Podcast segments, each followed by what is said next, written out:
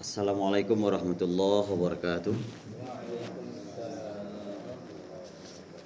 Alhamdulillahilladzi anzala alaina kitaban mutasyabihan mathani. Asyhadu an la ilaha illallah wahdah la syarikalah wa asyhadu anna Muhammadan abduhu wa rasuluh la nabiyya ba'da.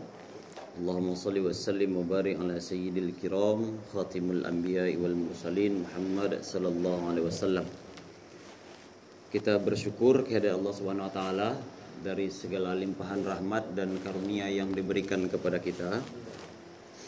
Semoga dengan rahmat dan karunia yang diberikan Allah itu kita senantiasa menjadi orang-orang yang tidak terlepas dari mengingat Allah. Salawat dan salam kita mohonkan kepada Allah Subhanahu wa taala dengan ucapan Allahumma salli ala Muhammad ala ali Muhammad semoga sampai kepada baginda Rasulullah dan kelak kita menjadi orang yang di bawah syafaatnya. Baiklah ibu-ibu, bapak-bapak, kita sambung kajian kita ada beberapa poin tentang hukum-hukum haid yang semalam kita sampaikan.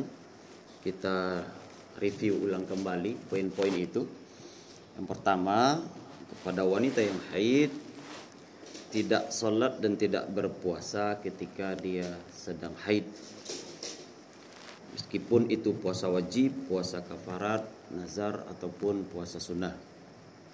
Yang kedua, jika wanita haid itu telah suci dari haidnya, maka dia diwajibkan mengqadha puasa jika ada puasa wajib yang ditinggalkannya, tetapi tidak wajib mengqadha salat yang ditinggalkan.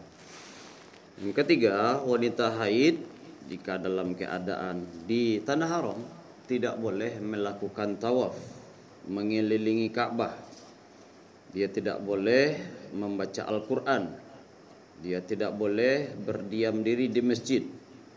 Haram bagi suaminya menggaulinya sampai haid dia berhenti dan tidak boleh menggaulinya meskipun haidnya sudah berhenti sampai perempuan itu mandi wajib. Jadi mandi itu batasnya bukan berhenti haidnya. Kalau sudah mandi diizinkan. Selanjutnya suami boleh bersenang-senang dengan istrinya itu ya uh, dalam keadaan haid selama tidak dakhala biha. Ya, selama tidak dakhala biha artinya berhubungan intim, sekedar bersenang-senang saja diizinkan meskipun istri dalam keadaan haid. Dan bagi suami tidak boleh mentala istri ketika istrinya dalam keadaan haid. Nah, itu jenis darah pertama menjadi fitrah bagi perempuan. Ada darah yang kedua yang bagi perempuan itu namanya adalah istihadah. Nanti yang terakhir itu ada nifas.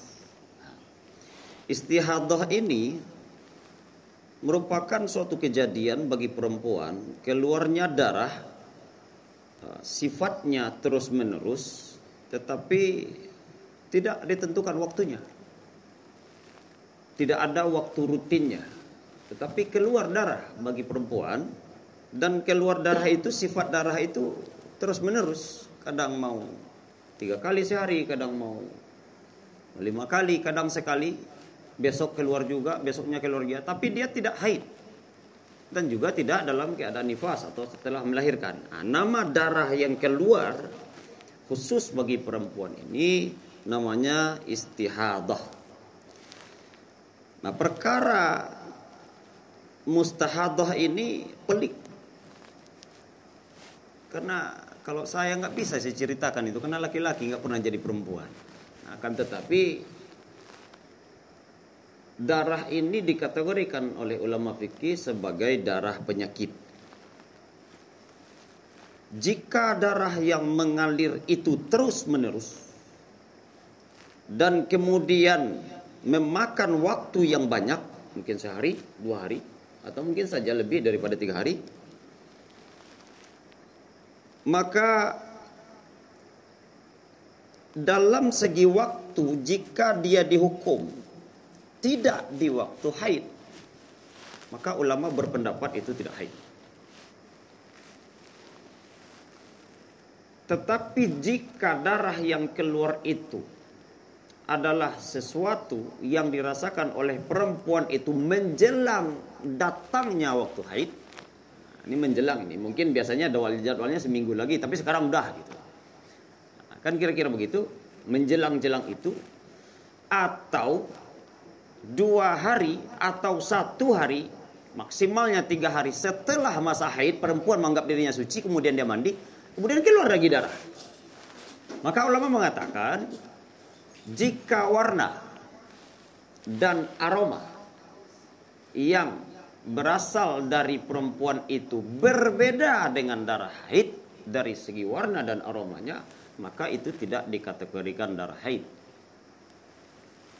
Nah, jadi spesifiknya nanti kepada dokter yang ahli darah itu. Daripada kita ragu, lebih baik periksa.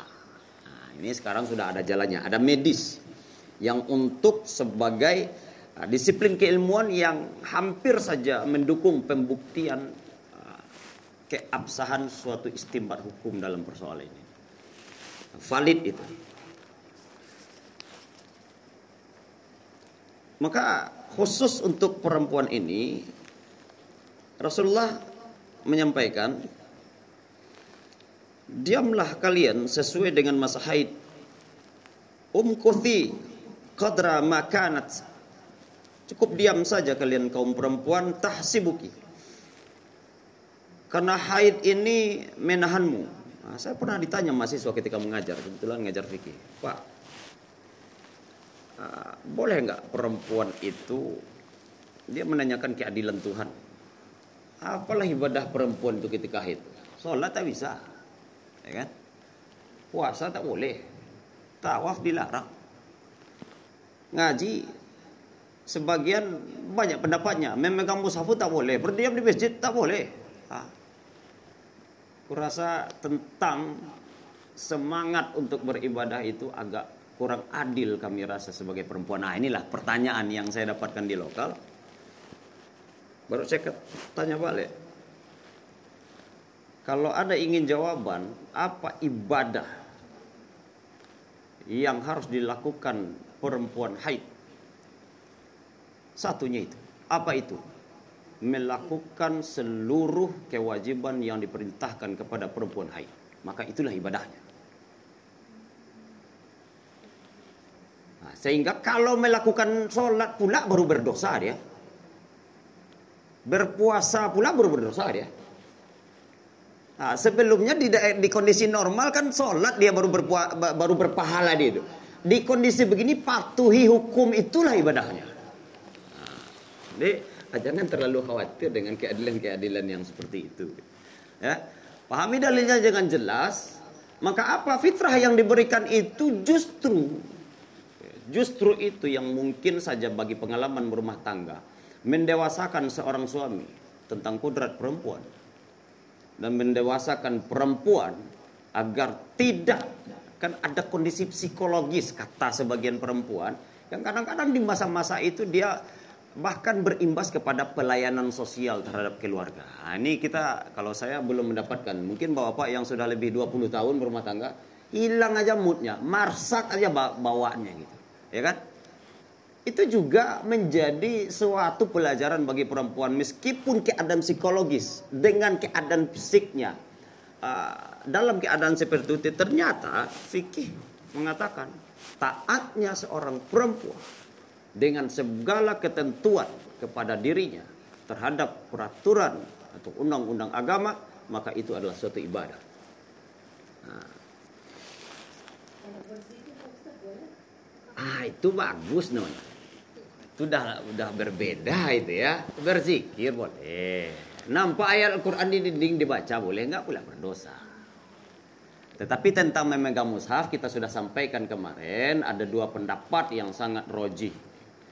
Jika mushaf itu mutlak sifatnya tidak dicampuri oleh apa pun dilarang memegangnya. Tapi jika mushaf itu bercampur contoh Al-Qur'an dan terjemahnya, Al-Qur'an perkata, Al-Qur'an di HP dan segala macamnya itu tidak dipandang ulama sebagai mushaf. Boleh itu dipegang ya bagi perempuan haid itu tidak mencederai Al-Quran itu. Betul ayat la yamsikuha ilal mutaharun. Kalimat mutaharun ini ketika dicek pendapat ulama itu, yang memang Al-Quran kayak gitu lah. Itu kan nggak ada bahasa yang lain. Cuman ayat Allah di situ. Nah, itu pendapat yang paling kuat. Kalau bertemu Al-Quran seperti oleh penita haid, jangan itu. Jangan itu. Kadang-kadang kan banyak wanita yang perhafiz nih. Nah, susah dia murojaah dan segala macamnya. Ya ternyata ada pengecualian yang di HP silakan. Kalau saya menyarankan jangan yang berbentuk buku. Di HP aja. Ya, HP aja. Atau yang dalam catatan pun boleh.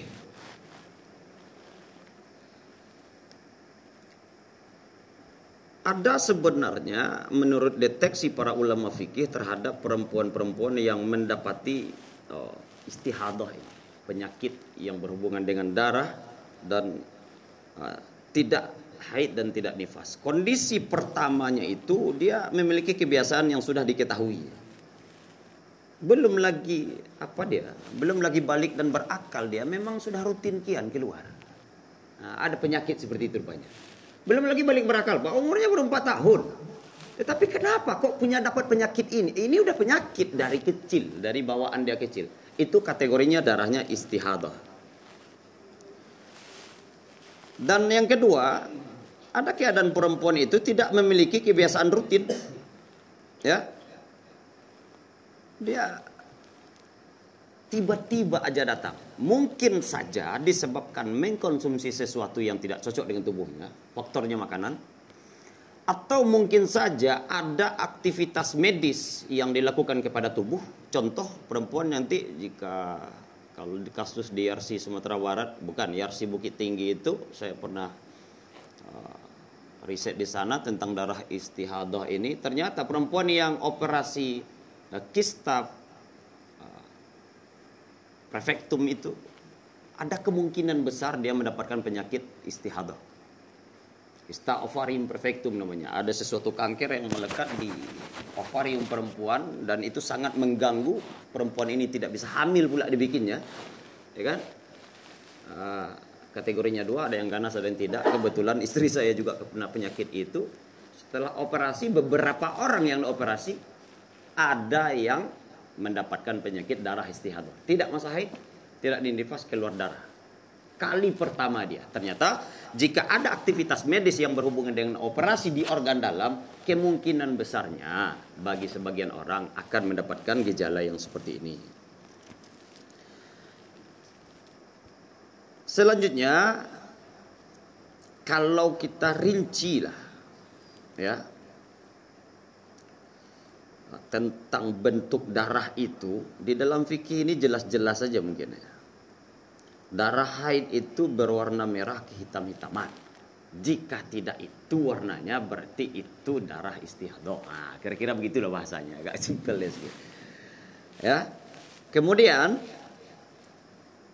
darah haid itu kental. Darah istihadah itu kurang kental. Biasa seperti darah biasa.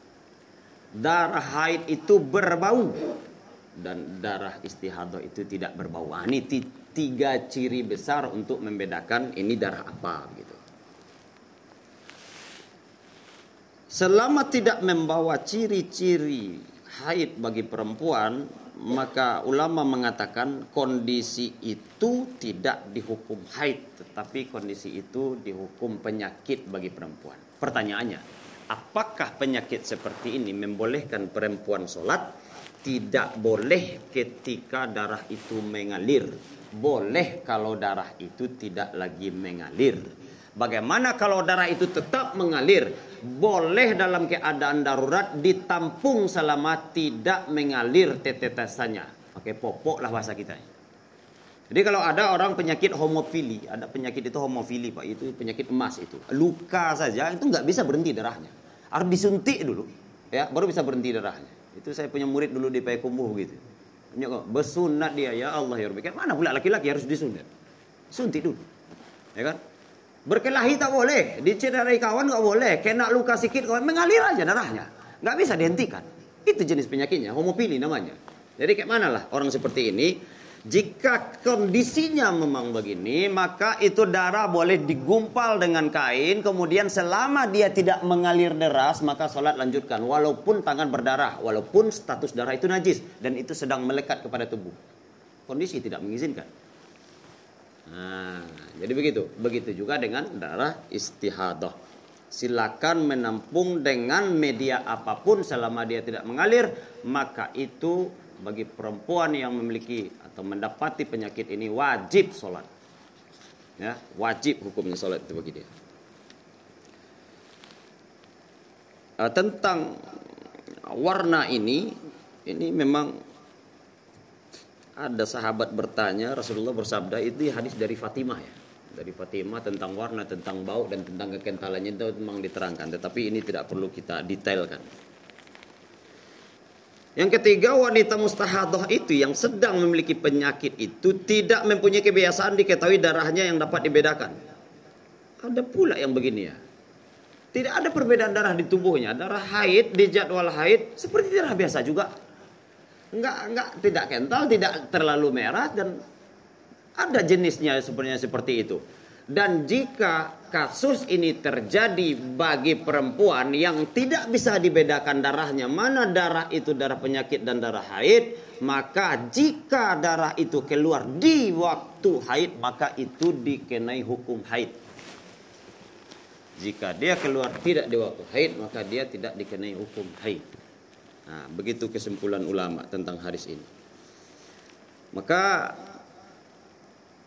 ada tiga sunnah ya untuk mengambil keputusan di dalam persoalan hadanah ini yang direwetkan Nabi tentang wanita mustahadah ini. Apa itu? Satu, perempuannya memang dari kecilnya sudah terbiasa dapat penyakit begini. Yang kedua, ya, itu untuk membedakan darah mana yang haid dan yang tidak dan bagaimana mengambil hukum apakah wanita dalam keadaan suci atau tidak ketika mendapatkan penyakit ini? Dan yang ketiga mempertimbangkan kebiasaan wanita pada umumnya dan sangat direkomendasi bahwasanya indikasi yang dijelaskan oleh Nabi tentang berbedanya darah haid dengan darah biasa menetapkan hukum kepada seseorang itu apakah istihadah atau haid.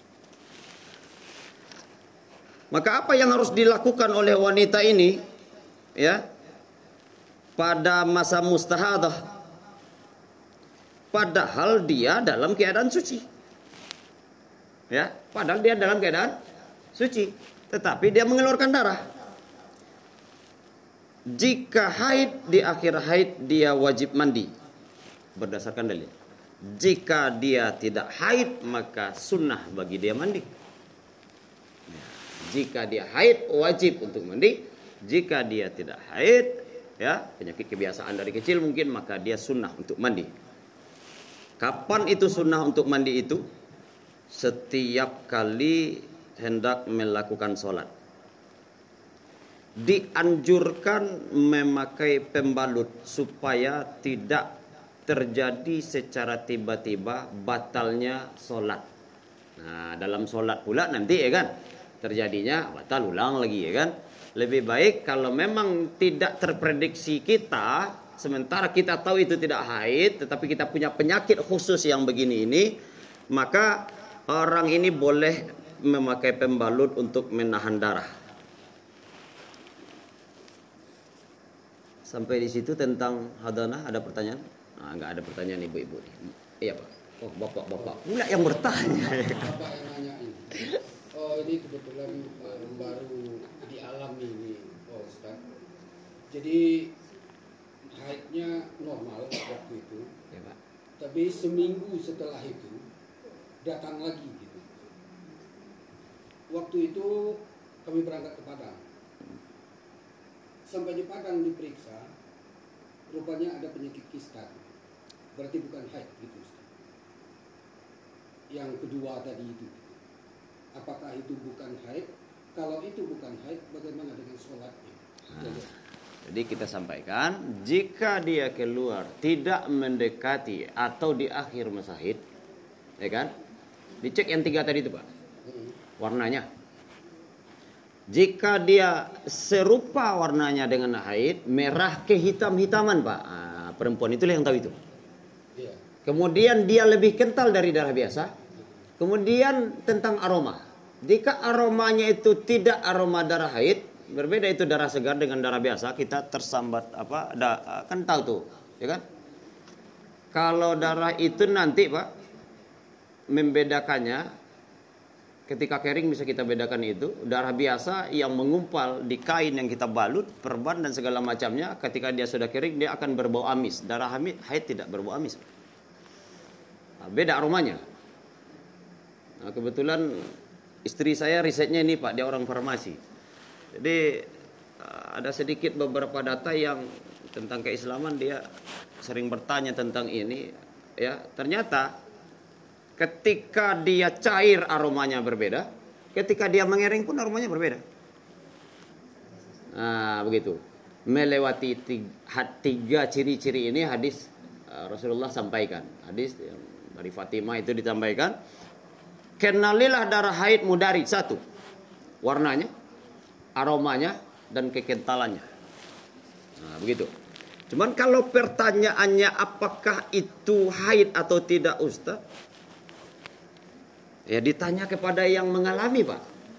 Jika tiga, tiga, tiga ciri-ciri ini di saat itu persis, maka itu haid pak.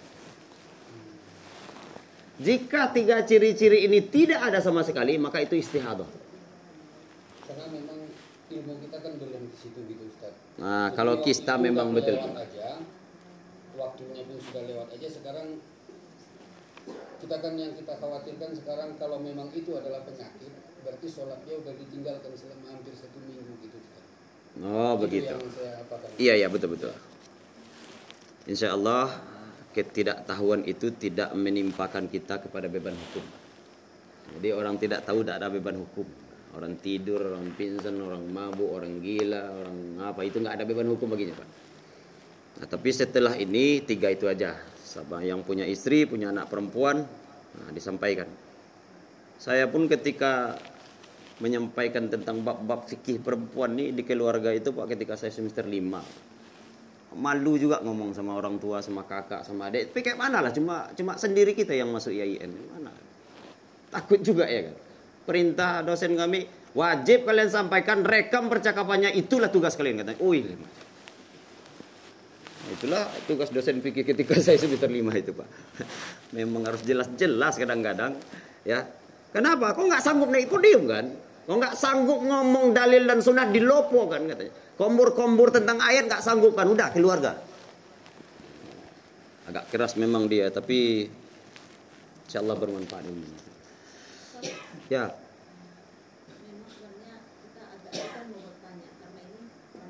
Agak privasi ya bu ya. Ah.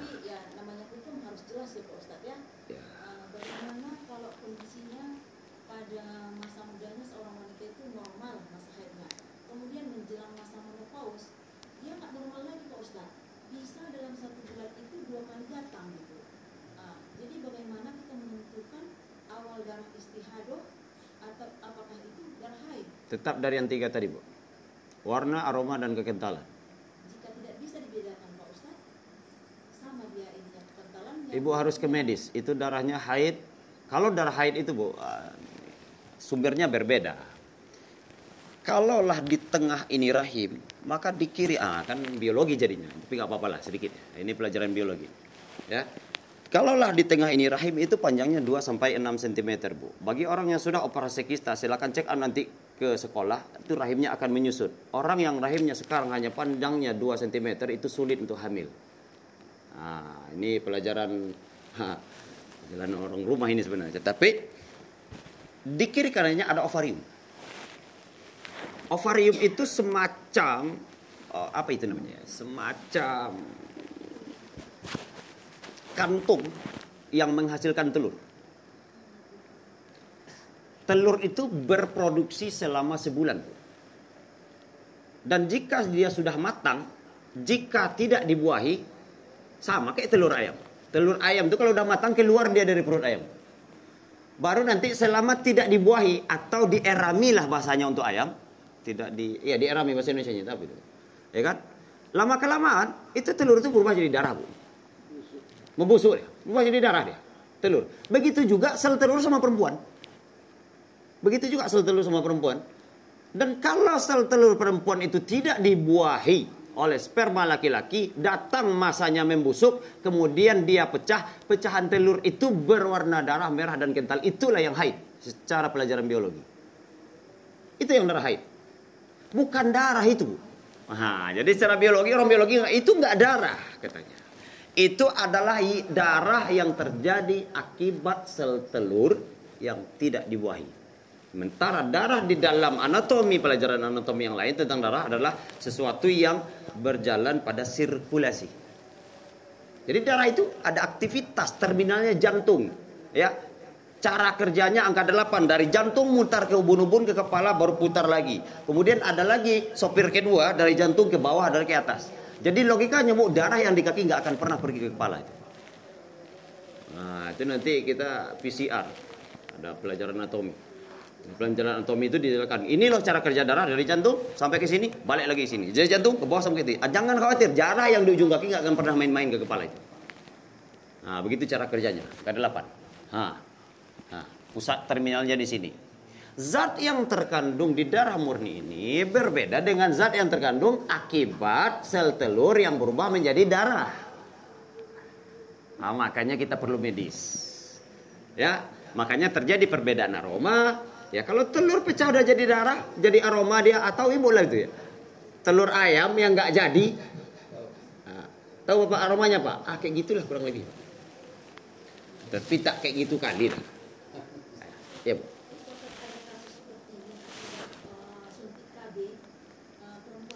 Apalah pula ini KBKB kan.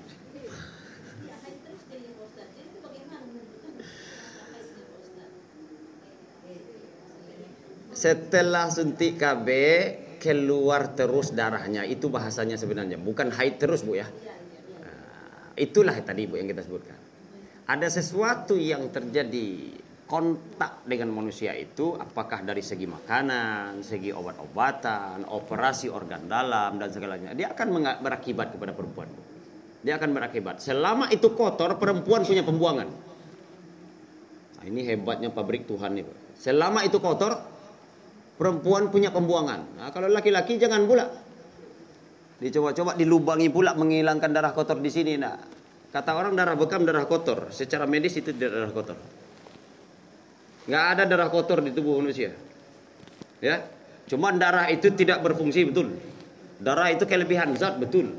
Darah itu mempengaruhi sel lain betul. Kata-kata kotor nggak ada untuk darah. Dalam teori medis. Ya, cuman dalam teori pengobatan lain mungkin ada.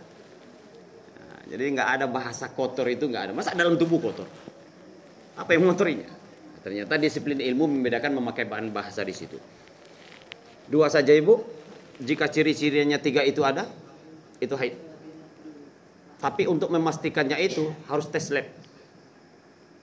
Jika sumber darah itu diketahui adalah darah murni, maka itu istihadah. Jika sumber darah itu, zat yang ada di darah itu adalah dari sumber telur atau ovarium ya yang diproduksi oleh ovarium kemudian ovum yang tidak dibuahi maka itu tidak darah haid. Itu hadat nah gitu bu ya. Jika sumber darah yang dari hasil lab rumah sakit itu diketahui berdasarkan labnya ini tidak dari darah murni tapi dari sel telur yang pecah berubah semisal berbentuk darah Nah, itu hasil keluarnya nanti, Bu. Kira-kira di lab keluarnya begitu. Nah, berarti itu darahnya darah istihadah, bukan darah haid. Nah, saya kita percayakan kepada yang ahli kalau yang itu ya, Pak ya. Saya kurang mengerti dengan yang begitu. Iya, Pak.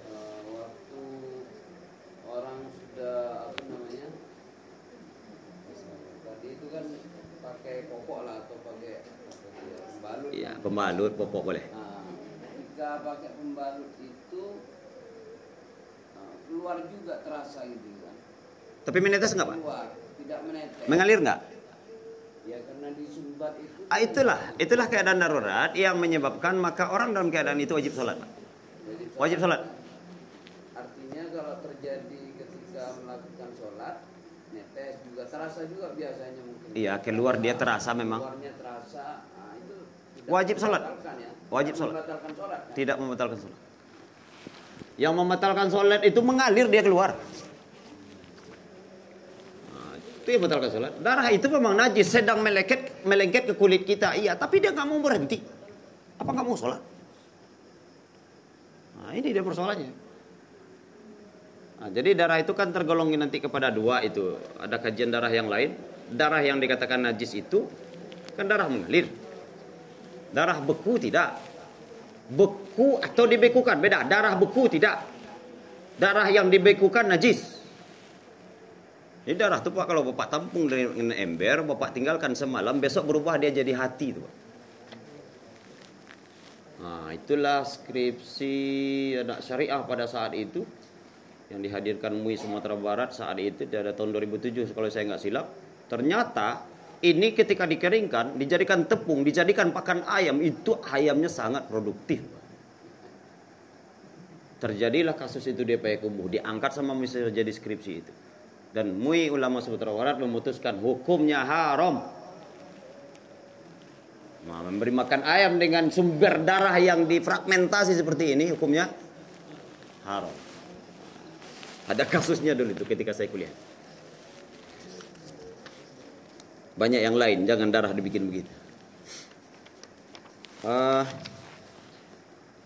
tentang nifas. Nah, kalau nifas ini sedikitnya ini. Nifas itu dihukum sama dengan haid. Bagi yang berhenti nifas dia wajib mandi.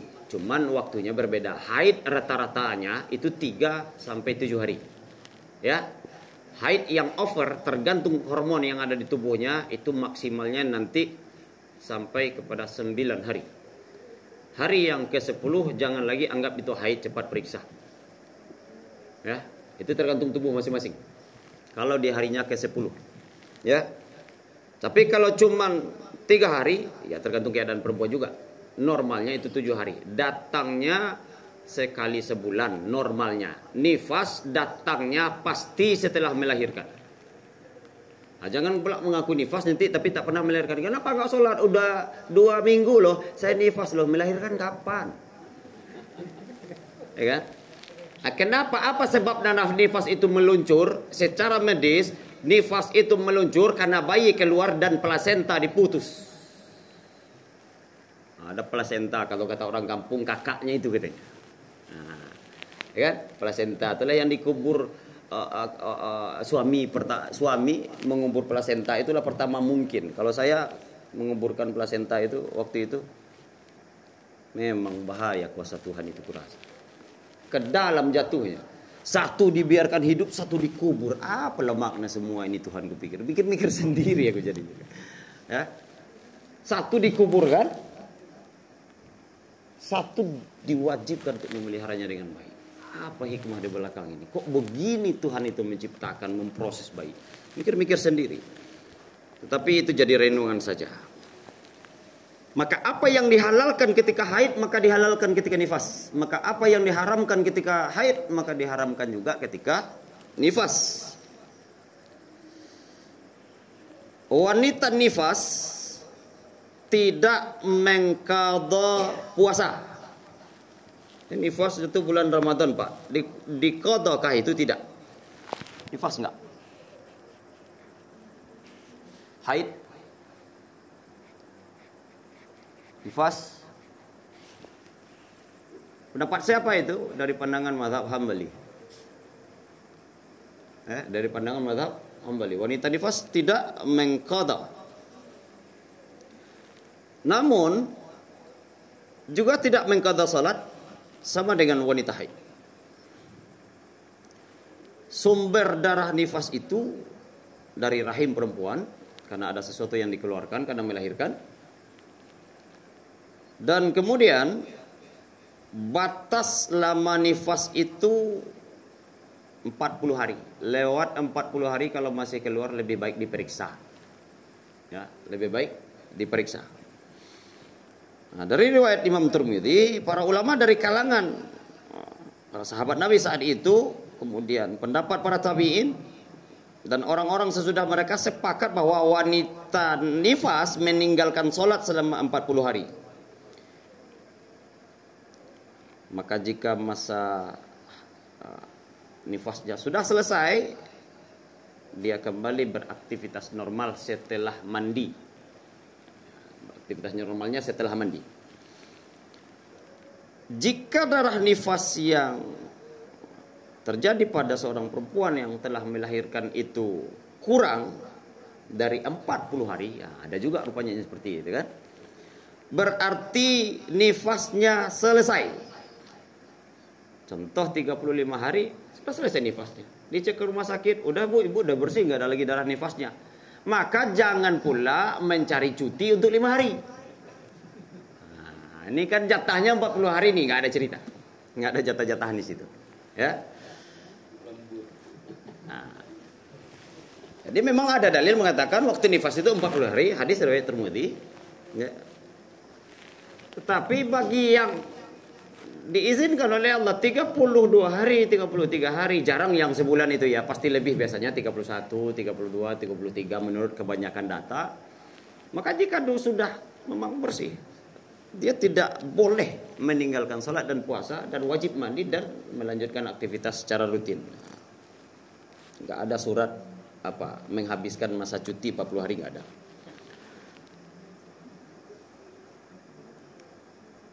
Jika wanita hamil kemudian terjadi musibah macam keguguran atau digugurkan. Nah, ini lebih baik dilengkapi langsung. Keguguran atau digugurkan sementara janinnya sudah berbentuk manusia Nah, sudah ada lekuk-lekuk tubuhnya. Sudah ada tangannya, kakinya, tapi belum sempurna, masih dalam proses. Ya. Dan kemudian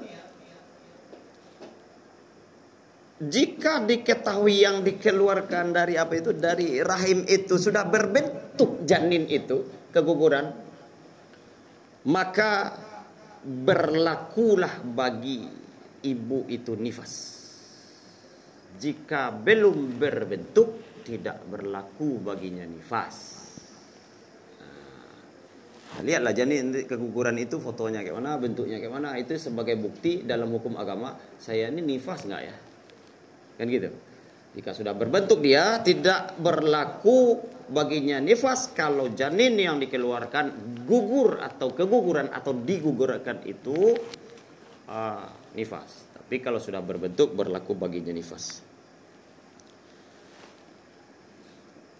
Uh, dari segi waktu berbentuknya itu mulai dari tiga bulan ke atas. Mulai dari tiga bulan nah, ke atas. Dari segi waktu normalnya.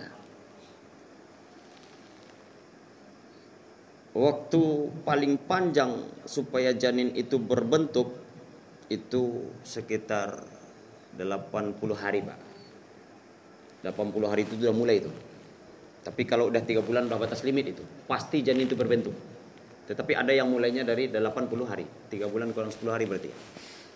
Sudah berbentuk kayak itu. Jadi kalau kita itu udah lebih dari 80 hari khawatir ini kan. Nggak tahu-tahu kita bentuknya. Kayak mana lah itu? Nggak tahu nggak terperhatikan pula. Saya nifas nggak ya? Ingat masa kehamilan. Itu sudah tiga bulan atau sudahkah lebih 80 hari? Jika sudah lebih darah yang keluar setelah itu bagi wanita kategorinya nifas. Jika sebelum umurnya 80 hari atau tiga bulan, maka darah yang setelah itu keluar bagi perempuan namanya hadona. Darah penyakit itu bukan nifas. Nah, begitu ulama menyampaikan. Namun jika ibu hamil itu keguguran dalam bentuk segumpal darah masih belum berbentuk macam seonggok darah begitu, ya, macam daging lunak dia, ya, di mana bentuknya belum lagi bisa ditengok, belum lagi jelas, ya, maka darah yang keluar bagi perempuan setelah keguguran seperti itu tidak kategorinya nifas sehingga dia tidak boleh meninggalkan sholat tidak boleh meninggalkan puasa. Maka sebagian kaum wanita kadang-kadang ada yang mengkonsumsi apa itu namanya obat-obatan, kadang-kadang nggak tahu pantang makanan untuk penyakit-penyakit tertentu, kontradiksi dengan tubuhnya atau menghasilkan gejala-gejala lain dengan sumber makanan dan minuman tertentu, kadang-kadang obat pula yang salah minum, salah makan dan segala macamnya lah, ya. Maka ternyata obat-obatan itu ibu bapak ada rupanya yang bisa mencegah haid, Pak. Ah, hebat pula ya kan. Ya. Di, bisa obat hari ini mencegah haid. Ternyata ini sangat berfungsi untuk orang naik haji. Ya. Aturan datang haidnya, ya Bu. Bentar Bu, belum kita selesaikan itu. Masih wacana obat-obatan itu. Ya, bagi yang mengkonsumsi yang beginian secara medis atau secara pribadi untuk mencegah haid sehingga dia bisa berpuasa Ramadan karena tidak haid. Kan begitu? Ya. Bisa dia laksanakan ibadah haji. Karena apa? Karena yang dikonsumsinya memiliki sifat bisa menahan sementara. Bukan selamanya. Maka ulama mengatakan dibolehkan dalam keadaan-keadaan tertentu. Tetapi untuk puasa tidak. Untuk naik haji boleh. Ya kan? Karena jadwal haji itu tak bisa kita tukar-tukar. Tapi untuk puasa dalam keadaan normal tidak boleh. Ah, minum obat ni lah kenapa? Ah kemarin itu lama kali haidnya. Sakit pula habis tu. Capek kali mengkotonya. Capek lah mengkoto puasa itu dah. Bayar fidyah, Nah, dong hepeng. Udahlah, minum obat supaya enggak mengkodok. Oh, enggak boleh. Eh? Enggak boleh. Itu Korea itu banyak itu yang melakukan. Kan dia kan ikut lomba. Hmm. Nah, supaya apa namanya tidak tereliminasi, nah, dia minum obat. Betul itu, Pak. Saya kepilah Sumatera Barat loh. Ya, kan? Saya ke Villa Sumatera Barat cabang Musabakah Fahmil Quran. Boleh juga itu ya? Hah? Boleh itu ya. Saya takut berfatwa tentang itu. ya, itu enggak wilayah saya gini. Saya tahu saya ulama sepakat jika untuk haji boleh, tetapi untuk amalan rutin normal ah, itu musabakah. Itu puasanya tak boleh, itu musabakah dibolehkan bagaimana cara mengambil keputusan hukumnya nggak ikut-ikut saya itu. Makanya takut. Serius, ini nanti terdengar orang kacau aku. Karena itu banyak dilakukan itu, kafilah-kafilah itu banyak melakukannya. Karena dia kalau sempat apa uh, haid diskualifikasi, dia eliminasi dia kan, kalau haji, nggak juara dan seterusnya.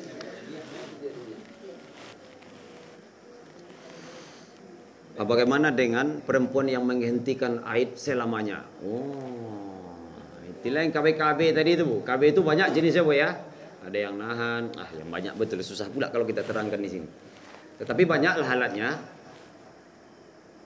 Bagi perempuan yang berstatus istri, maka itu hanya boleh dalam keadaan satu memberikan mudarat pribadi kepada dirinya. Yang kedua, wajib atas izin suaminya. Angkat rahimnya. Itu kan permanen tuh. Mana ada haid lagi setelah itu? Mana ada nifas lagi? Nah, mungkin sekarang ada jenis zat, suntikan, pil dan segala macamnya di mana dijahit, dimatikan rahim itu. Ada yang diangkat, ada yang tidak diangkat tapi dimatikan. Ya. Nah, dimatikan dan diangkat itu hanya dibolehkan izin darurat jika itu akan mengancam kehidupannya. Sakit aja deh pak. Gaji suaminya 2 juta ya pak. Biaya penyakitnya semalam 40 juta. Mana itu cara mengambil keputusan? Maka boleh ya, ya menghilangkan fitrah dia, ngangkat rahim. Ya kan? Sekali sebulan sakit, Pak. Semalam di rumah sakit 40 juta dengan obat-obatan dan visit dokternya, Pak. Sekali pula dalam sebulan itu dia masuk rumah sakit, Pak. 12 kali dalam setahun. Bunuh diri, gantung diri nanti suaminya. Ya kan?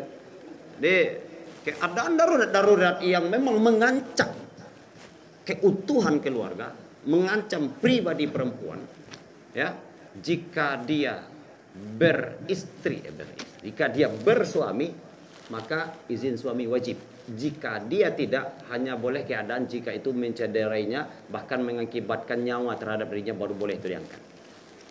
Nah, sampai di situ waktu sudah sudah masuk, besok selanjutnya kalau umur panjang kita masuk kepada tentang sholat lima waktu.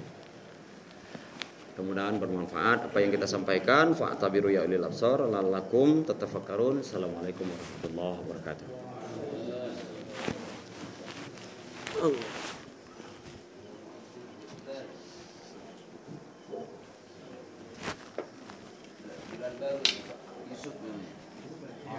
Nak semester berapa itu? Ya iya. Ah, ya, nah.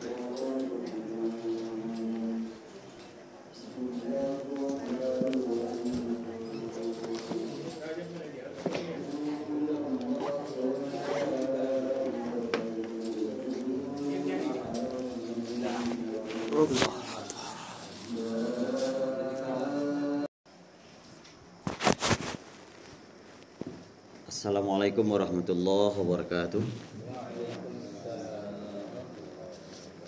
Alhamdulillahilladzi anzala alaina kitaban mutasyabihan thani. Asyhadu an la ilaha illallah wahdah la syarikalah wa asyhadu anna Muhammadan abduhu wa rasuluh la nabiyya ba'da. Allahumma salli wa sallim wa barik ala sayyidil kiram khatimul anbiya'i wal mursalin Muhammad sallallahu alaihi wasallam. Kita bersyukur kepada Allah Subhanahu wa taala dari segala limpahan rahmat dan karunia yang diberikan kepada kita. Semoga dengan rahmat dan karunia yang diberikan Allah itu kita senantiasa menjadi orang-orang yang tidak terlepas dari mengingat Allah. Salawat dan salam kita mohonkan kepada Allah Subhanahu wa taala dengan ucapan Allahumma salli ala Muhammad ala ali Muhammad semoga sampai kepada baginda Rasulullah dan kelak kita menjadi orang yang di bawah syafaatnya. Baiklah ibu-ibu, bapak-bapak, kita sambung kajian kita ada beberapa poin tentang hukum-hukum haid yang semalam kita sampaikan. Kita review ulang kembali poin-poin itu. Yang pertama, kepada wanita yang haid tidak sholat dan tidak berpuasa ketika dia sedang haid. Meskipun itu puasa wajib, puasa kafarat, nazar ataupun puasa sunnah. Yang kedua, jika wanita haid itu telah suci dari haidnya, maka dia diwajibkan mengqadha puasa jika ada puasa wajib yang ditinggalkannya, tetapi tidak wajib mengqadha salat yang ditinggalkan. Yang ketiga, wanita haid jika dalam keadaan di tanah haram tidak boleh melakukan tawaf mengelilingi Ka'bah. Dia tidak boleh membaca Al-Qur'an dia tidak boleh berdiam diri di masjid. Haram bagi suaminya menggaulinya sampai haid dia berhenti dan tidak boleh menggaulinya meskipun haidnya sudah berhenti sampai perempuan itu mandi wajib. Jadi mandi itu batasnya bukan berhenti haidnya. Kalau sudah mandi diizinkan. Selanjutnya suami boleh bersenang-senang dengan istrinya itu ya uh, dalam keadaan haid selama tidak dakhala biha. Ya, selama tidak dakhala biha artinya berhubungan intim, sekedar bersenang-senang saja diizinkan meskipun istri dalam keadaan haid. Dan bagi suami tidak boleh mentala istri ketika istrinya dalam keadaan haid. Nah, itu jenis darah pertama menjadi fitrah bagi perempuan. Ada darah yang kedua yang bagi perempuan itu namanya adalah istihadah. Nanti yang terakhir itu ada nifas. Istihadah ini merupakan suatu kejadian bagi perempuan keluarnya darah sifatnya terus menerus tetapi tidak ditentukan waktunya. Tidak ada waktu rutinnya. Tetapi keluar darah bagi perempuan dan keluar darah itu sifat darah itu terus menerus kadang mau tiga kali sehari kadang mau lima kali kadang sekali besok keluar juga besoknya keluar juga tapi dia tidak haid dan juga tidak dalam keadaan nifas atau setelah melahirkan. Nah, nama darah yang keluar khusus bagi perempuan ini namanya istihadah. Nah, perkara mustahadah ini pelik. Karena kalau saya nggak bisa saya ceritakan itu karena laki-laki nggak pernah jadi perempuan. Nah, akan tetapi darah ini dikategorikan oleh ulama fikih sebagai darah penyakit. Jika darah yang mengalir itu terus-menerus dan kemudian memakan waktu yang banyak, mungkin sehari, dua hari, atau mungkin saja lebih daripada tiga hari, maka dalam segi waktu jika dia dihukum tidak di waktu haid, maka ulama berpendapat itu tidak haid. Tetapi jika darah yang keluar itu adalah sesuatu yang dirasakan oleh perempuan itu menjelang datangnya waktu haid. Ini menjelang ini. Mungkin biasanya jadwalnya seminggu lagi, tapi sekarang udah gitu. Kan kira-kira begitu. Menjelang-jelang itu atau dua hari atau satu hari maksimalnya tiga hari setelah masa haid perempuan menganggap dirinya suci kemudian dia mandi kemudian keluar lagi darah. Maka ulama mengatakan jika warna dan aroma yang berasal dari perempuan itu berbeda dengan darah haid dari segi warna dan aromanya maka itu tidak dikategorikan darah haid Nah, jadi spesifiknya nanti kepada dokter yang ahli darah itu. Daripada kita ragu, lebih baik periksa. Nah, ini sekarang sudah ada jalannya, ada medis yang untuk sebagai uh, disiplin keilmuan yang hampir saja mendukung pembuktian uh, keabsahan suatu istimbat hukum dalam persoalan ini. Valid itu. Maka khusus untuk perempuan ini Rasulullah menyampaikan diamlah kalian sesuai dengan masa haid. Umkuthi qadra makanat cukup diam saja kalian kaum perempuan tahsibuki. Karena haid ini menahanmu. Nah, saya pernah ditanya mahasiswa ketika mengajar kebetulan mengajar fikih. Pak Ah, boleh nggak perempuan itu dia menanyakan keadilan Tuhan? Apalah ibadah perempuan itu ketika haid? Sholat tak bisa ya kan? Puasa tak boleh. Tawaf dilarang. Ngaji sebagian banyak pendapatnya. Memegang mushafu tak boleh berdiam di masjid tak boleh. Ha. kurasa tentang semangat untuk beribadah itu agak kurang adil kami rasa sebagai perempuan. Nah inilah pertanyaan yang saya dapatkan di lokal. Baru saya tanya balik. Kalau ada ingin jawaban, apa ibadah yang harus dilakukan perempuan haid? Satunya itu. Apa itu? Melakukan seluruh kewajiban yang diperintahkan kepada perempuan haid. Maka itulah ibadahnya. Sehingga kalau melakukan sholat pula baru berdosa dia. Berpuasa pula baru berdosa dia. Nah, sebelumnya di, di kondisi normal kan sholat dia baru berpua, baru berpahala dia itu. Di kondisi begini patuhi hukum itulah ibadahnya. Nah, jadi jangan terlalu khawatir dengan keadilan-keadilan yang seperti itu. Ya, pahami dalilnya jangan jelas. Maka apa fitrah yang diberikan itu justru Justru itu yang mungkin saja bagi pengalaman berumah tangga mendewasakan seorang suami tentang kudrat perempuan dan mendewasakan perempuan agar tidak kan ada kondisi psikologis kata sebagian perempuan yang kadang-kadang di masa-masa itu dia bahkan berimbas kepada pelayanan sosial terhadap keluarga. Nah, ini kita kalau saya belum mendapatkan, mungkin bapak yang sudah lebih 20 tahun berumah tangga hilang aja moodnya, marsak aja bawaannya gitu ya kan? Itu juga menjadi suatu pelajaran bagi perempuan meskipun keadaan psikologis dengan keadaan fisiknya uh, dalam keadaan seperti itu ternyata fikih mengatakan taatnya seorang perempuan dengan segala ketentuan kepada dirinya terhadap peraturan atau undang-undang agama maka itu adalah suatu ibadah. Nah. Ah itu bagus nona.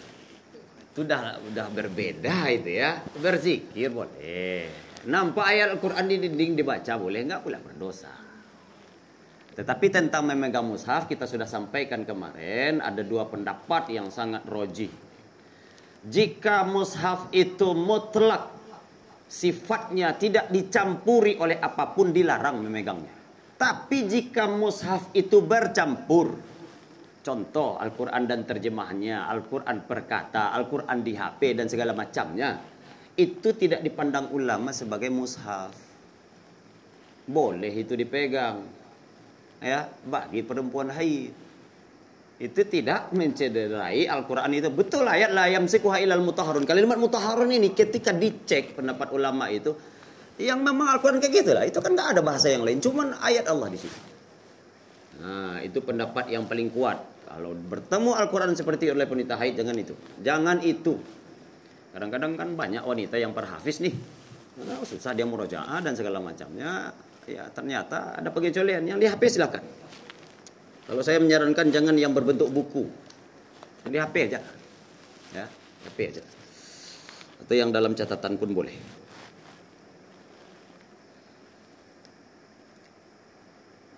Ada sebenarnya menurut deteksi para ulama fikih terhadap perempuan-perempuan yang mendapati oh, istihadah penyakit yang berhubungan dengan darah dan uh, tidak haid dan tidak nifas. Kondisi pertamanya itu dia memiliki kebiasaan yang sudah diketahui.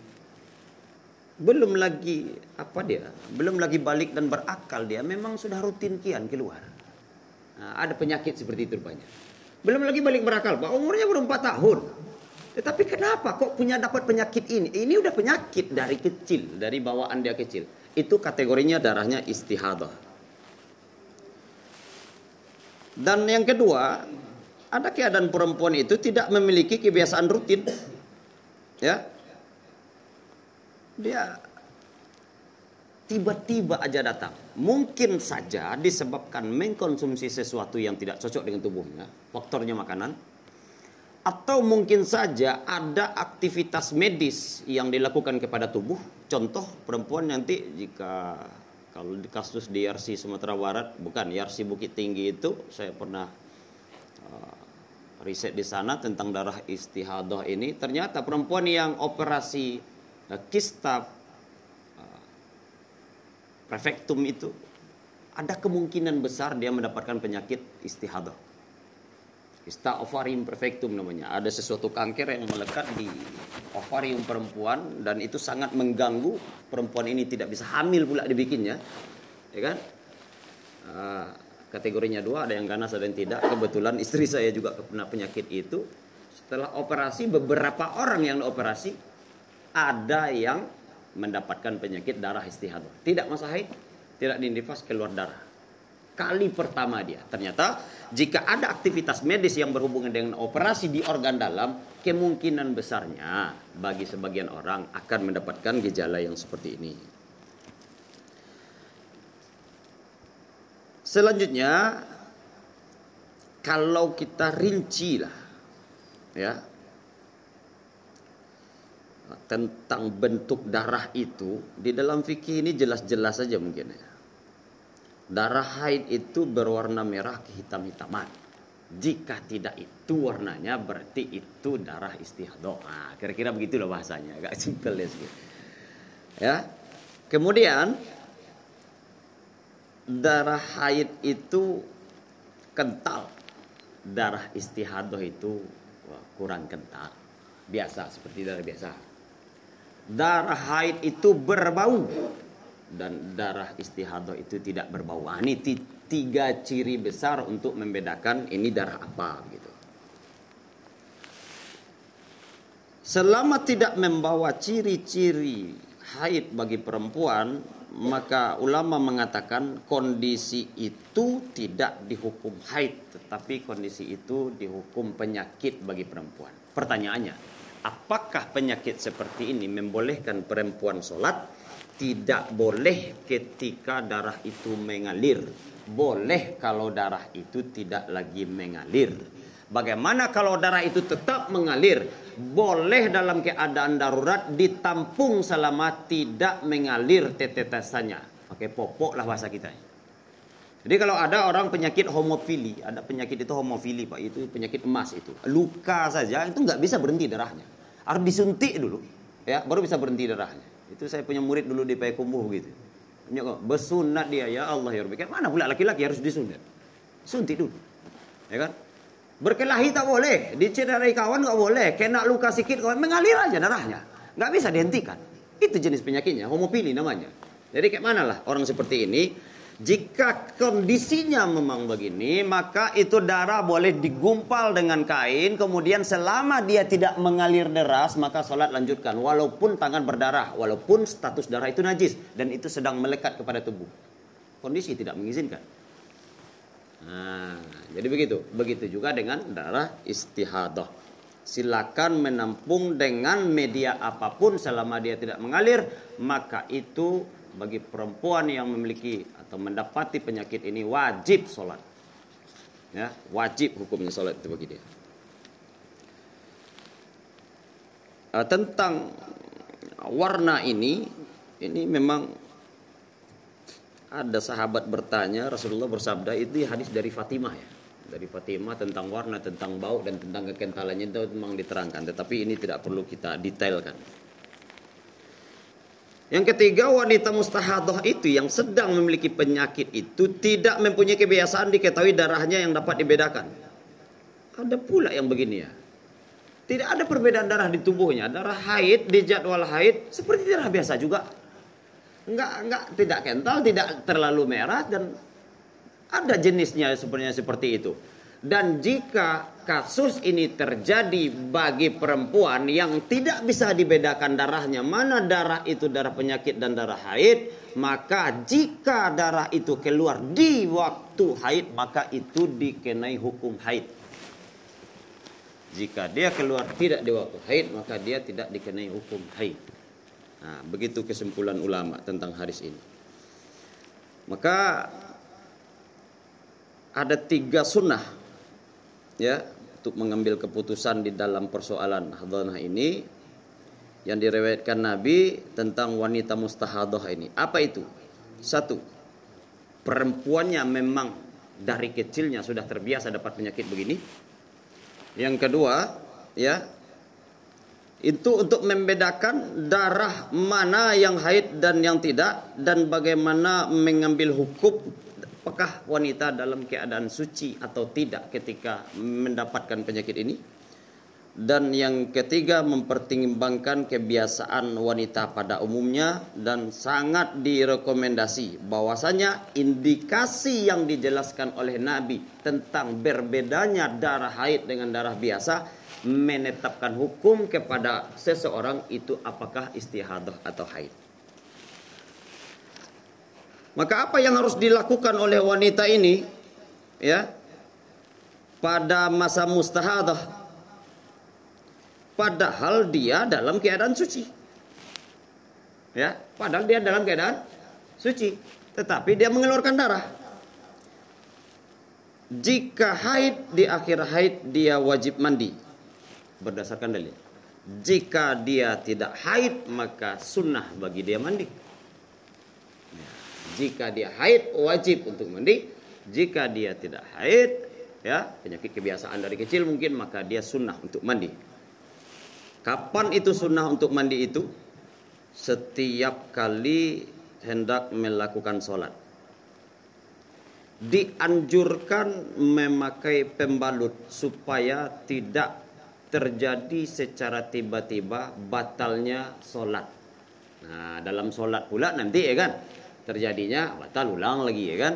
Lebih baik kalau memang tidak terprediksi kita, sementara kita tahu itu tidak haid, tetapi kita punya penyakit khusus yang begini ini, maka orang ini boleh memakai pembalut untuk menahan darah. Sampai di situ tentang hadanah ada pertanyaan?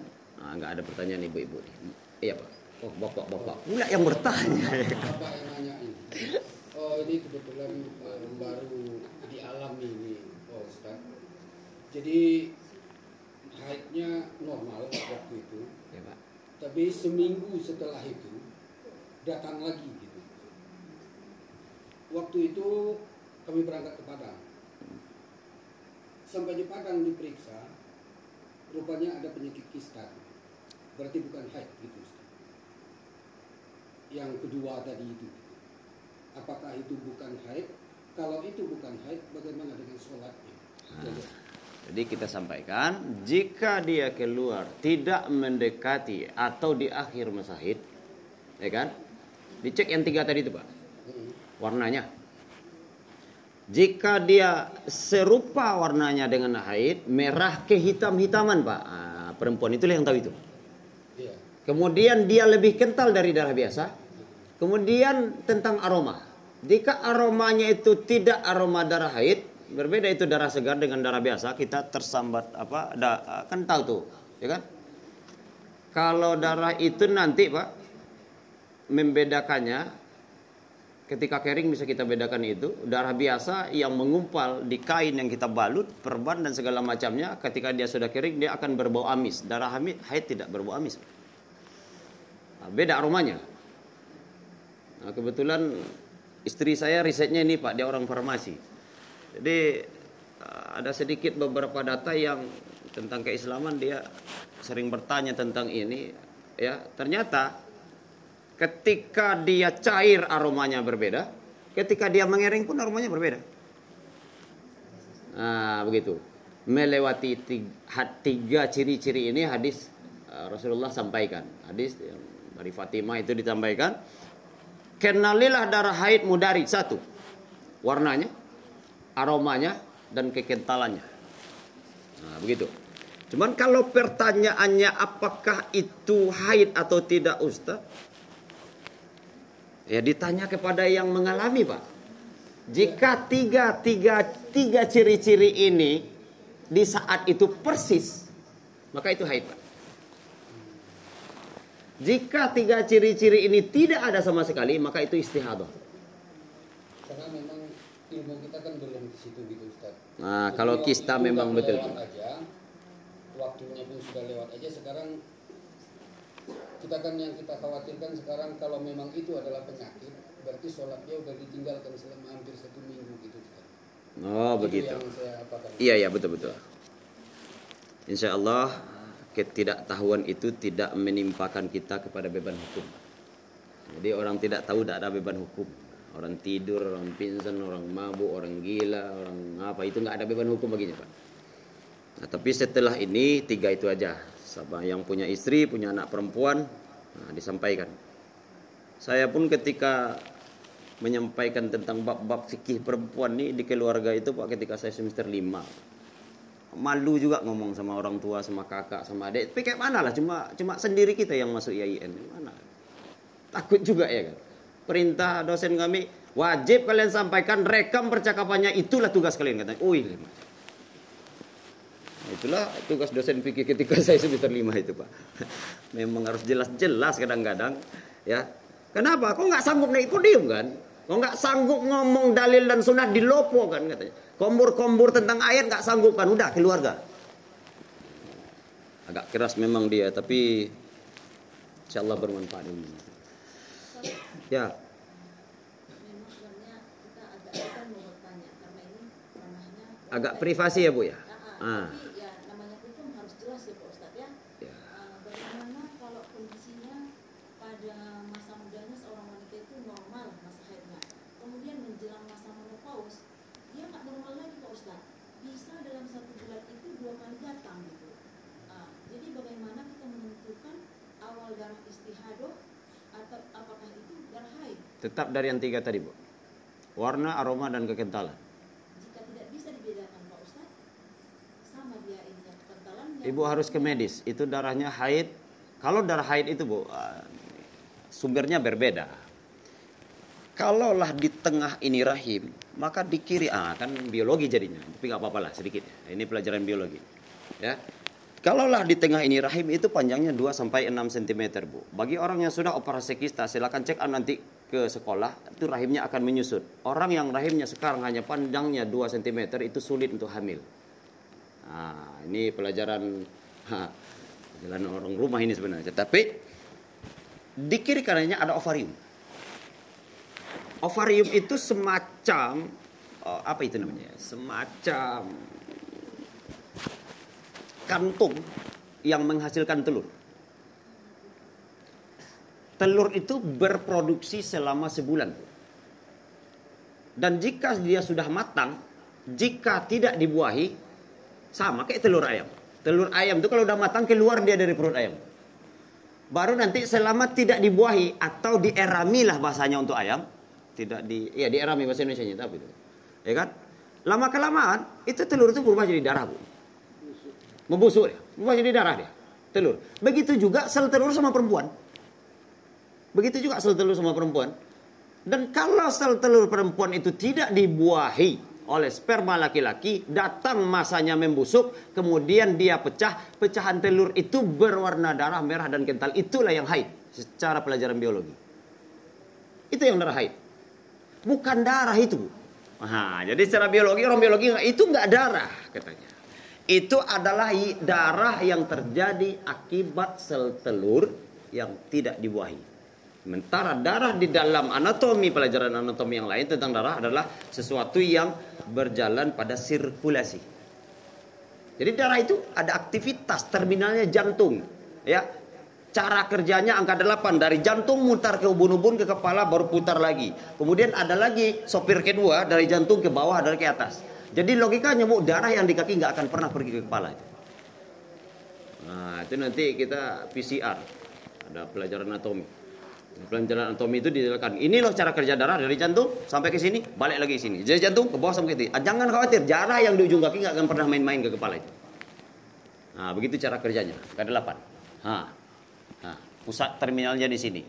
Zat yang terkandung di darah murni ini berbeda dengan zat yang terkandung akibat sel telur yang berubah menjadi darah.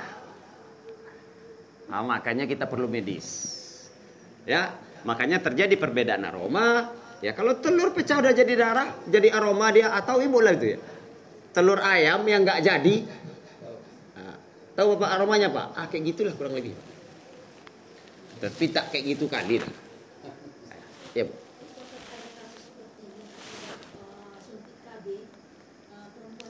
Apalah pula ni KB-KB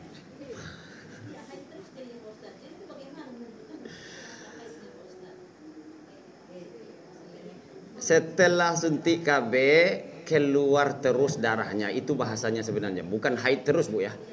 Nah, itulah tadi bu yang kita sebutkan. Ada sesuatu yang terjadi kontak dengan manusia itu apakah dari segi makanan, segi obat-obatan, operasi organ dalam dan segalanya. Dia akan berakibat kepada perempuan. Dia akan berakibat. Selama itu kotor, perempuan punya pembuangan. Nah, ini hebatnya pabrik Tuhan nih. Selama itu kotor, perempuan punya pembuangan. Nah, kalau laki-laki jangan pula. Dicoba-coba dilubangi pula menghilangkan darah kotor di sini. Nah, kata orang darah bekam darah kotor. Secara medis itu darah kotor. Nggak ada darah kotor di tubuh manusia. Ya, cuman darah itu tidak berfungsi betul. Darah itu kelebihan zat betul. Darah itu mempengaruhi sel lain betul. Kata-kata kotor nggak ada untuk darah. Dalam teori medis. Ya, cuman dalam teori pengobatan lain mungkin ada. Jadi nggak ada bahasa kotor itu nggak ada. Masa dalam tubuh kotor? Apa yang mengotorinya? Ternyata disiplin ilmu membedakan memakai bahan bahasa di situ. Dua saja ibu, jika ciri-cirinya tiga itu ada, itu haid. Tapi untuk memastikannya itu harus tes lab. Jika sumber darah itu diketahui adalah darah murni, maka itu istihadah. Jika sumber darah itu, zat yang ada di darah itu adalah dari sumber telur atau ovarium, ya, yang diproduksi oleh ovarium, kemudian ovum yang tidak dibuahi, maka itu tidak darah haid. Itu hadah. Nah, gitu Bu ya. Jika sumber darah yang dari hasil lab rumah sakit itu diketahui berdasarkan labnya, ini tidak dari darah murni, tapi dari sel telur yang pecah berubah semisal berbentuk darah. Nah, itu hasil keluarnya itu, Bu. Kira-kira di lab keluarnya begitu. Nah, berarti itu darahnya darah istihadah, bukan darah haid. Nah, saya kita percayakan kepada yang ahli kalau yang itu ya, Bu ya. Saya kurang mengerti dengan yang begitu. Iya, Pak.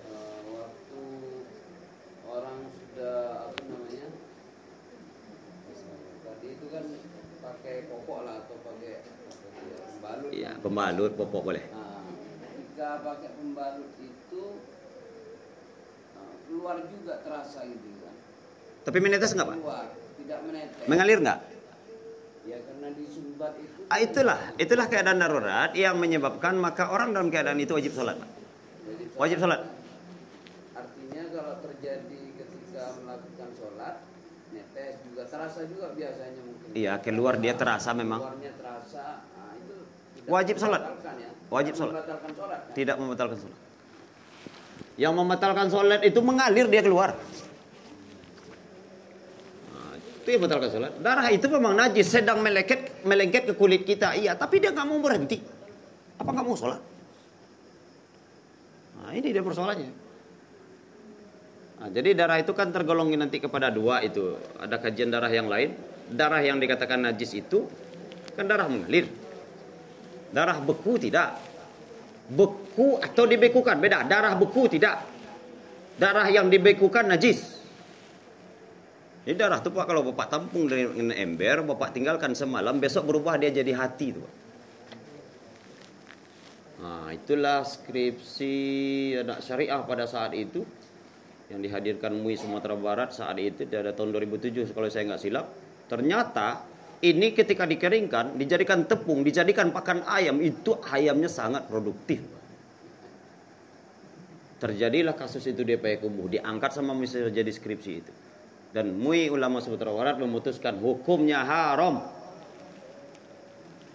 Nah, memberi makan ayam dengan sumber darah yang difragmentasi seperti ini hukumnya haram. Ada kasusnya dulu itu ketika saya kuliah. Banyak yang lain, jangan darah dibikin begitu. Uh, tentang nifas. Nah, kalau nifas ini sedikitnya ini. Nifas itu dihukum sama dengan haid. Bagi yang berhenti nifas dia wajib mandi. Cuman waktunya berbeda. Haid rata-ratanya itu 3 sampai 7 hari. Ya. Haid yang over tergantung hormon yang ada di tubuhnya itu maksimalnya nanti sampai kepada 9 hari. Hari yang ke-10 jangan lagi anggap itu haid cepat periksa. Ya, itu tergantung tubuh masing-masing. Kalau di harinya ke-10. Ya. Tapi kalau cuman tiga hari, ya tergantung keadaan perempuan juga. Normalnya itu tujuh hari. Datangnya sekali sebulan normalnya. Nifas datangnya pasti setelah melahirkan. Nah, jangan pula mengaku nifas nanti tapi tak pernah melahirkan. Kenapa nggak sholat? Udah dua minggu loh. Saya nifas loh. Melahirkan kapan? Ya kan? Nah, kenapa? Apa sebab nanaf nifas itu meluncur? Secara medis, nifas itu meluncur karena bayi keluar dan plasenta diputus. Nah, ada plasenta kalau kata orang kampung kakaknya itu katanya. Nah, ya kan? Plasenta itulah yang dikubur uh, uh, suami perta, suami mengubur plasenta itulah pertama mungkin. Kalau saya menguburkan plasenta itu waktu itu memang bahaya kuasa Tuhan itu kurasa. Ke dalam jatuhnya. Satu dibiarkan hidup, satu dikubur. Apa lemaknya semua ini Tuhan kupikir. Mikir-mikir sendiri aku jadi. Ya. Satu dikuburkan, satu diwajibkan untuk memeliharanya dengan baik. Apa hikmah di belakang ini? Kok begini Tuhan itu menciptakan, memproses bayi? Mikir-mikir sendiri. Tetapi itu jadi renungan saja. Maka apa yang dihalalkan ketika haid maka dihalalkan ketika nifas. Maka apa yang diharamkan ketika haid maka diharamkan juga ketika nifas. Wanita nifas tidak mengkada puasa. Nifas itu bulan Ramadan Pak. Di, di kodokah itu tidak? Nifas enggak? haid? Nifas? Pendapat siapa itu? Dari pandangan mazhab Hambali. Eh, dari pandangan mazhab Hambali. Wanita nifas tidak mengqada namun juga tidak mengqada salat sama dengan wanita haid sumber darah nifas itu dari rahim perempuan karena ada sesuatu yang dikeluarkan karena melahirkan dan kemudian batas lama nifas itu 40 hari. Lewat 40 hari kalau masih keluar lebih baik diperiksa. Ya, lebih baik diperiksa. Nah, dari riwayat Imam Turmidi, para ulama dari kalangan para sahabat Nabi saat itu, kemudian pendapat para tabi'in dan orang-orang sesudah mereka sepakat bahwa wanita nifas meninggalkan sholat selama 40 hari. Maka jika masa uh, nifasnya sudah selesai, dia kembali beraktivitas normal setelah mandi. Aktivitas normalnya setelah mandi. Jika darah nifas yang terjadi pada seorang perempuan yang telah melahirkan itu kurang dari 40 hari, ya ada juga rupanya seperti itu kan. Berarti nifasnya selesai. Contoh 35 hari sudah selesai nifasnya. Dicek ke rumah sakit, udah bu, ibu udah bersih nggak ada lagi darah nifasnya. Maka jangan pula mencari cuti untuk lima hari. Nah, ini kan jatahnya 40 hari nih, nggak ada cerita, nggak ada jatah-jatahan di situ, ya. Nah, jadi memang ada dalil mengatakan waktu nifas itu 40 hari, hadis riwayat Tirmidzi. Ya. Tetapi bagi yang diizinkan oleh Allah 32 hari, 33 hari, jarang yang sebulan itu ya, pasti lebih biasanya 31, 32, 33 menurut kebanyakan data. Maka jika sudah memang bersih, dia tidak boleh meninggalkan salat dan puasa dan wajib mandi dan melanjutkan aktivitas secara rutin. Enggak ada surat apa menghabiskan masa cuti 40 hari enggak ada.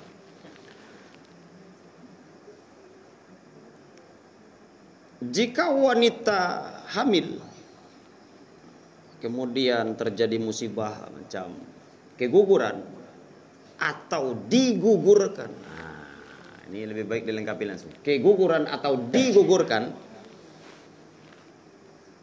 sementara janinnya sudah berbentuk manusia. Nah, sudah ada lekuk-lekuk tubuhnya. Sudah ada tangannya, kakinya tapi belum sempurna, masih dalam proses ya. Dan kemudian jika diketahui yang dikeluarkan dari apa itu dari rahim itu sudah berbentuk janin itu keguguran maka berlakulah bagi ibu itu nifas jika belum berbentuk tidak berlaku baginya nifas Lihatlah janin keguguran itu fotonya kayak mana, bentuknya kayak mana. Itu sebagai bukti dalam hukum agama saya ini nifas nggak ya? Kan gitu. Jika sudah berbentuk dia tidak berlaku baginya nifas kalau janin yang dikeluarkan gugur atau keguguran atau digugurkan itu uh, nifas. Tapi kalau sudah berbentuk berlaku baginya nifas. Uh, dari segi waktu berbentuknya itu mulai dari tiga bulan ke atas. Mulai dari tiga bulan nah, ke atas dari segi waktu normalnya. Waktu paling panjang supaya janin itu berbentuk itu sekitar 80 hari, Pak. 80 hari itu sudah mulai itu. Tapi kalau udah tiga bulan udah batas limit itu, pasti janin itu berbentuk. Tetapi ada yang mulainya dari 80 hari. 3 bulan kurang 10 hari berarti. Sudah berbentuk kayak itu. Jadi kalau kita itu udah lebih dari 80 hari, khawatir ini kan, nggak tahu-tahu kita bentuknya. Kayak mana lah itu, nggak tahu, nggak terperhatikan pula. Saya nifas nggak ya? Ingat masa kehamilan. Itu udah tiga bulan atau sudah lebih 80 hari. Jika sudah lebih Darah yang keluar setelah itu bagi wanita kategorinya nifas. Jika sebelum umurnya 80 hari atau 3 bulan, maka darah yang setelah itu keluar bagi perempuan namanya hadona. Darah penyakit itu bukan nifas. Nah, begitu ulama menyampaikan. Namun jika ibu hamil itu keguguran dalam bentuk segumpal darah, masih belum berbentuk macam seonggok darah begitu, ya. Macam daging lunak dia, ya di mana bentuknya belum lagi bisa ditengok belum lagi jelas ya. Maka darah yang keluar bagi perempuan setelah keguguran seperti itu tidak kategorinya nifas sehingga dia tidak boleh meninggalkan sholat tidak boleh meninggalkan puasa. Maka sebagian kaum wanita kadang-kadang ada yang mengkonsumsi apa itu namanya obat-obatan. Kadang-kadang nggak tahu pantang makanan untuk penyakit-penyakit tertentu kontradiksi dengan tubuhnya atau menghasilkan gejala-gejala lain dengan sumber makanan dan minuman tertentu. Kadang-kadang obat pula yang salah minum salah makan dan segala macamnya lah ya. Maka ternyata obat-obatan itu ibu bapak ada rupanya yang bisa mencegah haid pak ah, hebat pula ya kan? Ya. Di, bisa obat hari ini mencegah haid. Ternyata ini sangat berfungsi untuk orang naik haji ya aturan datang haidnya ya bu. Bentar bu belum kita selesaikan itu. Masih wacana obat-obatan itu. Ya bagi yang mengkonsumsi yang beginian secara medis atau secara pribadi untuk mencegah haid sehingga dia bisa berpuasa Ramadan karena tidak haid. Kan begitu? Ya. Bisa dia laksanakan ibadah haji. Karena apa? Karena yang dikonsumsinya memiliki sifat bisa menahan sementara. Bukan selamanya. Maka ulama mengatakan dibolehkan dalam keadaan-keadaan tertentu. Tetapi untuk puasa tidak. Untuk naik haji boleh. Ya kan? Karena jadwal haji itu tak bisa kita tukar-tukar. Tapi untuk puasa dalam keadaan normal tidak boleh. Ah, minum obat inilah kenapa? Ah kemarin itu lama kali haidnya. Sakit pula habis tuh. Capek kali mengkotonya. Capek lah mengkoto puasa itu dah. Bayar vidya Nah, dong hepeng. Udahlah, minum obat supaya enggak mengkodok. Oh, enggak boleh. Eh? Enggak boleh. Itu Korea itu banyak itu yang melakukan kan dia kan ikut lomba. Hmm. Nah, supaya apa namanya tidak tereliminasi, nah, dia minum obat. Betul itu, Pak. Saya kepilah Sumatera Barat loh. Saya ke Pilah Sumatera Barat cabang Musabakah Fahmil Quran. Boleh juga itu ya? Hah? Boleh itu ya. Saya takut berfatwa tentang itu. ya, itu enggak wilayah saya lagi. Saya tahu saya ulama sepakat jika untuk haji boleh, tetapi untuk amalan rutin normal ah, itu musabakah. Itu puasa aja tak boleh, itu musabakah dibolehkan bagaimana cara mengambil keputusan hukumnya nggak ikut-ikut saya itu. Makanya takut. Serius, ini nanti terdengar orang kacau aku. ya. itu banyak dilakukan itu, kafilah-kafilah itu banyak melakukannya. Karena dia kalau sempat apa uh, haid diskualifikasi, dia eliminasi dia kan, kalau haji, uh, nggak juara dan seterusnya. Bagaimana dengan perempuan yang menghentikan haid selamanya? Oh, Tilain KB-KB tadi itu bu. KB itu banyak jenisnya bu ya. Ada yang nahan, ah yang banyak betul susah pula kalau kita terangkan di sini. Tetapi banyaklah halatnya. Bagi perempuan yang berstatus istri, maka itu hanya boleh dalam keadaan satu memberikan mudarat pribadi kepada dirinya. Yang kedua, wajib atas izin suaminya. Dia angkat rahimnya. Itu kan permanen tuh. Mana ada haid lagi setelah itu? Mana ada nifas lagi? Nah, mungkin sekarang ada jenis zat, suntikan, pil dan segala macamnya di mana dijahit, dimatikan rahim itu. Ada yang diangkat, ada yang tidak diangkat tapi dimatikan. Ya. Nah, dimatikan dan diangkat itu hanya dibolehkan izin darurat jika itu akan mengancam kehidupannya. Sakit aja dia terus pak. Gaji suaminya 2 juta ya pak. Biaya penyakitnya semalam 40 juta. Mana itu cara mengambil keputusan? Maka boleh ya ya menghilangkan fitrah dia, mengangkat rahim. Ya kan? Sekali sebulan sakit, Pak. Semalam di rumah sakit 40 juta dengan obat-obatan dan visit dokternya, Pak. Sekali pula dalam sebulan itu dia masuk rumah sakit, Pak. 12 kali dalam setahun. Bunuh diri, gantung diri nanti suaminya. Ya kan? Di keadaan darurat-darurat yang memang mengancam keutuhan keluarga, mengancam pribadi perempuan, ya. Jika dia beristri, eh, beristri jika dia bersuami, maka izin suami wajib. Jika dia tidak, hanya boleh keadaan jika itu mencederainya, bahkan mengakibatkan nyawa terhadap dirinya baru boleh itu diangkat. Nah, sampai di situ waktu sudah sudah masuk, besok selanjutnya kalau umur panjang kita masuk kepada tentang sholat lima waktu. Kemudian bermanfaat apa yang kita sampaikan. Fa'tabiru ya ulil absar lalakum tatafakkarun. Assalamualaikum warahmatullahi wabarakatuh. Allah.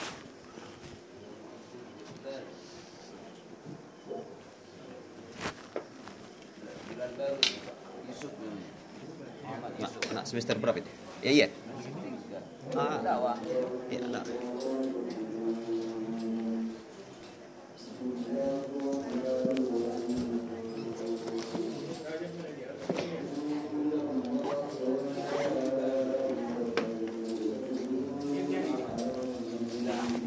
Allah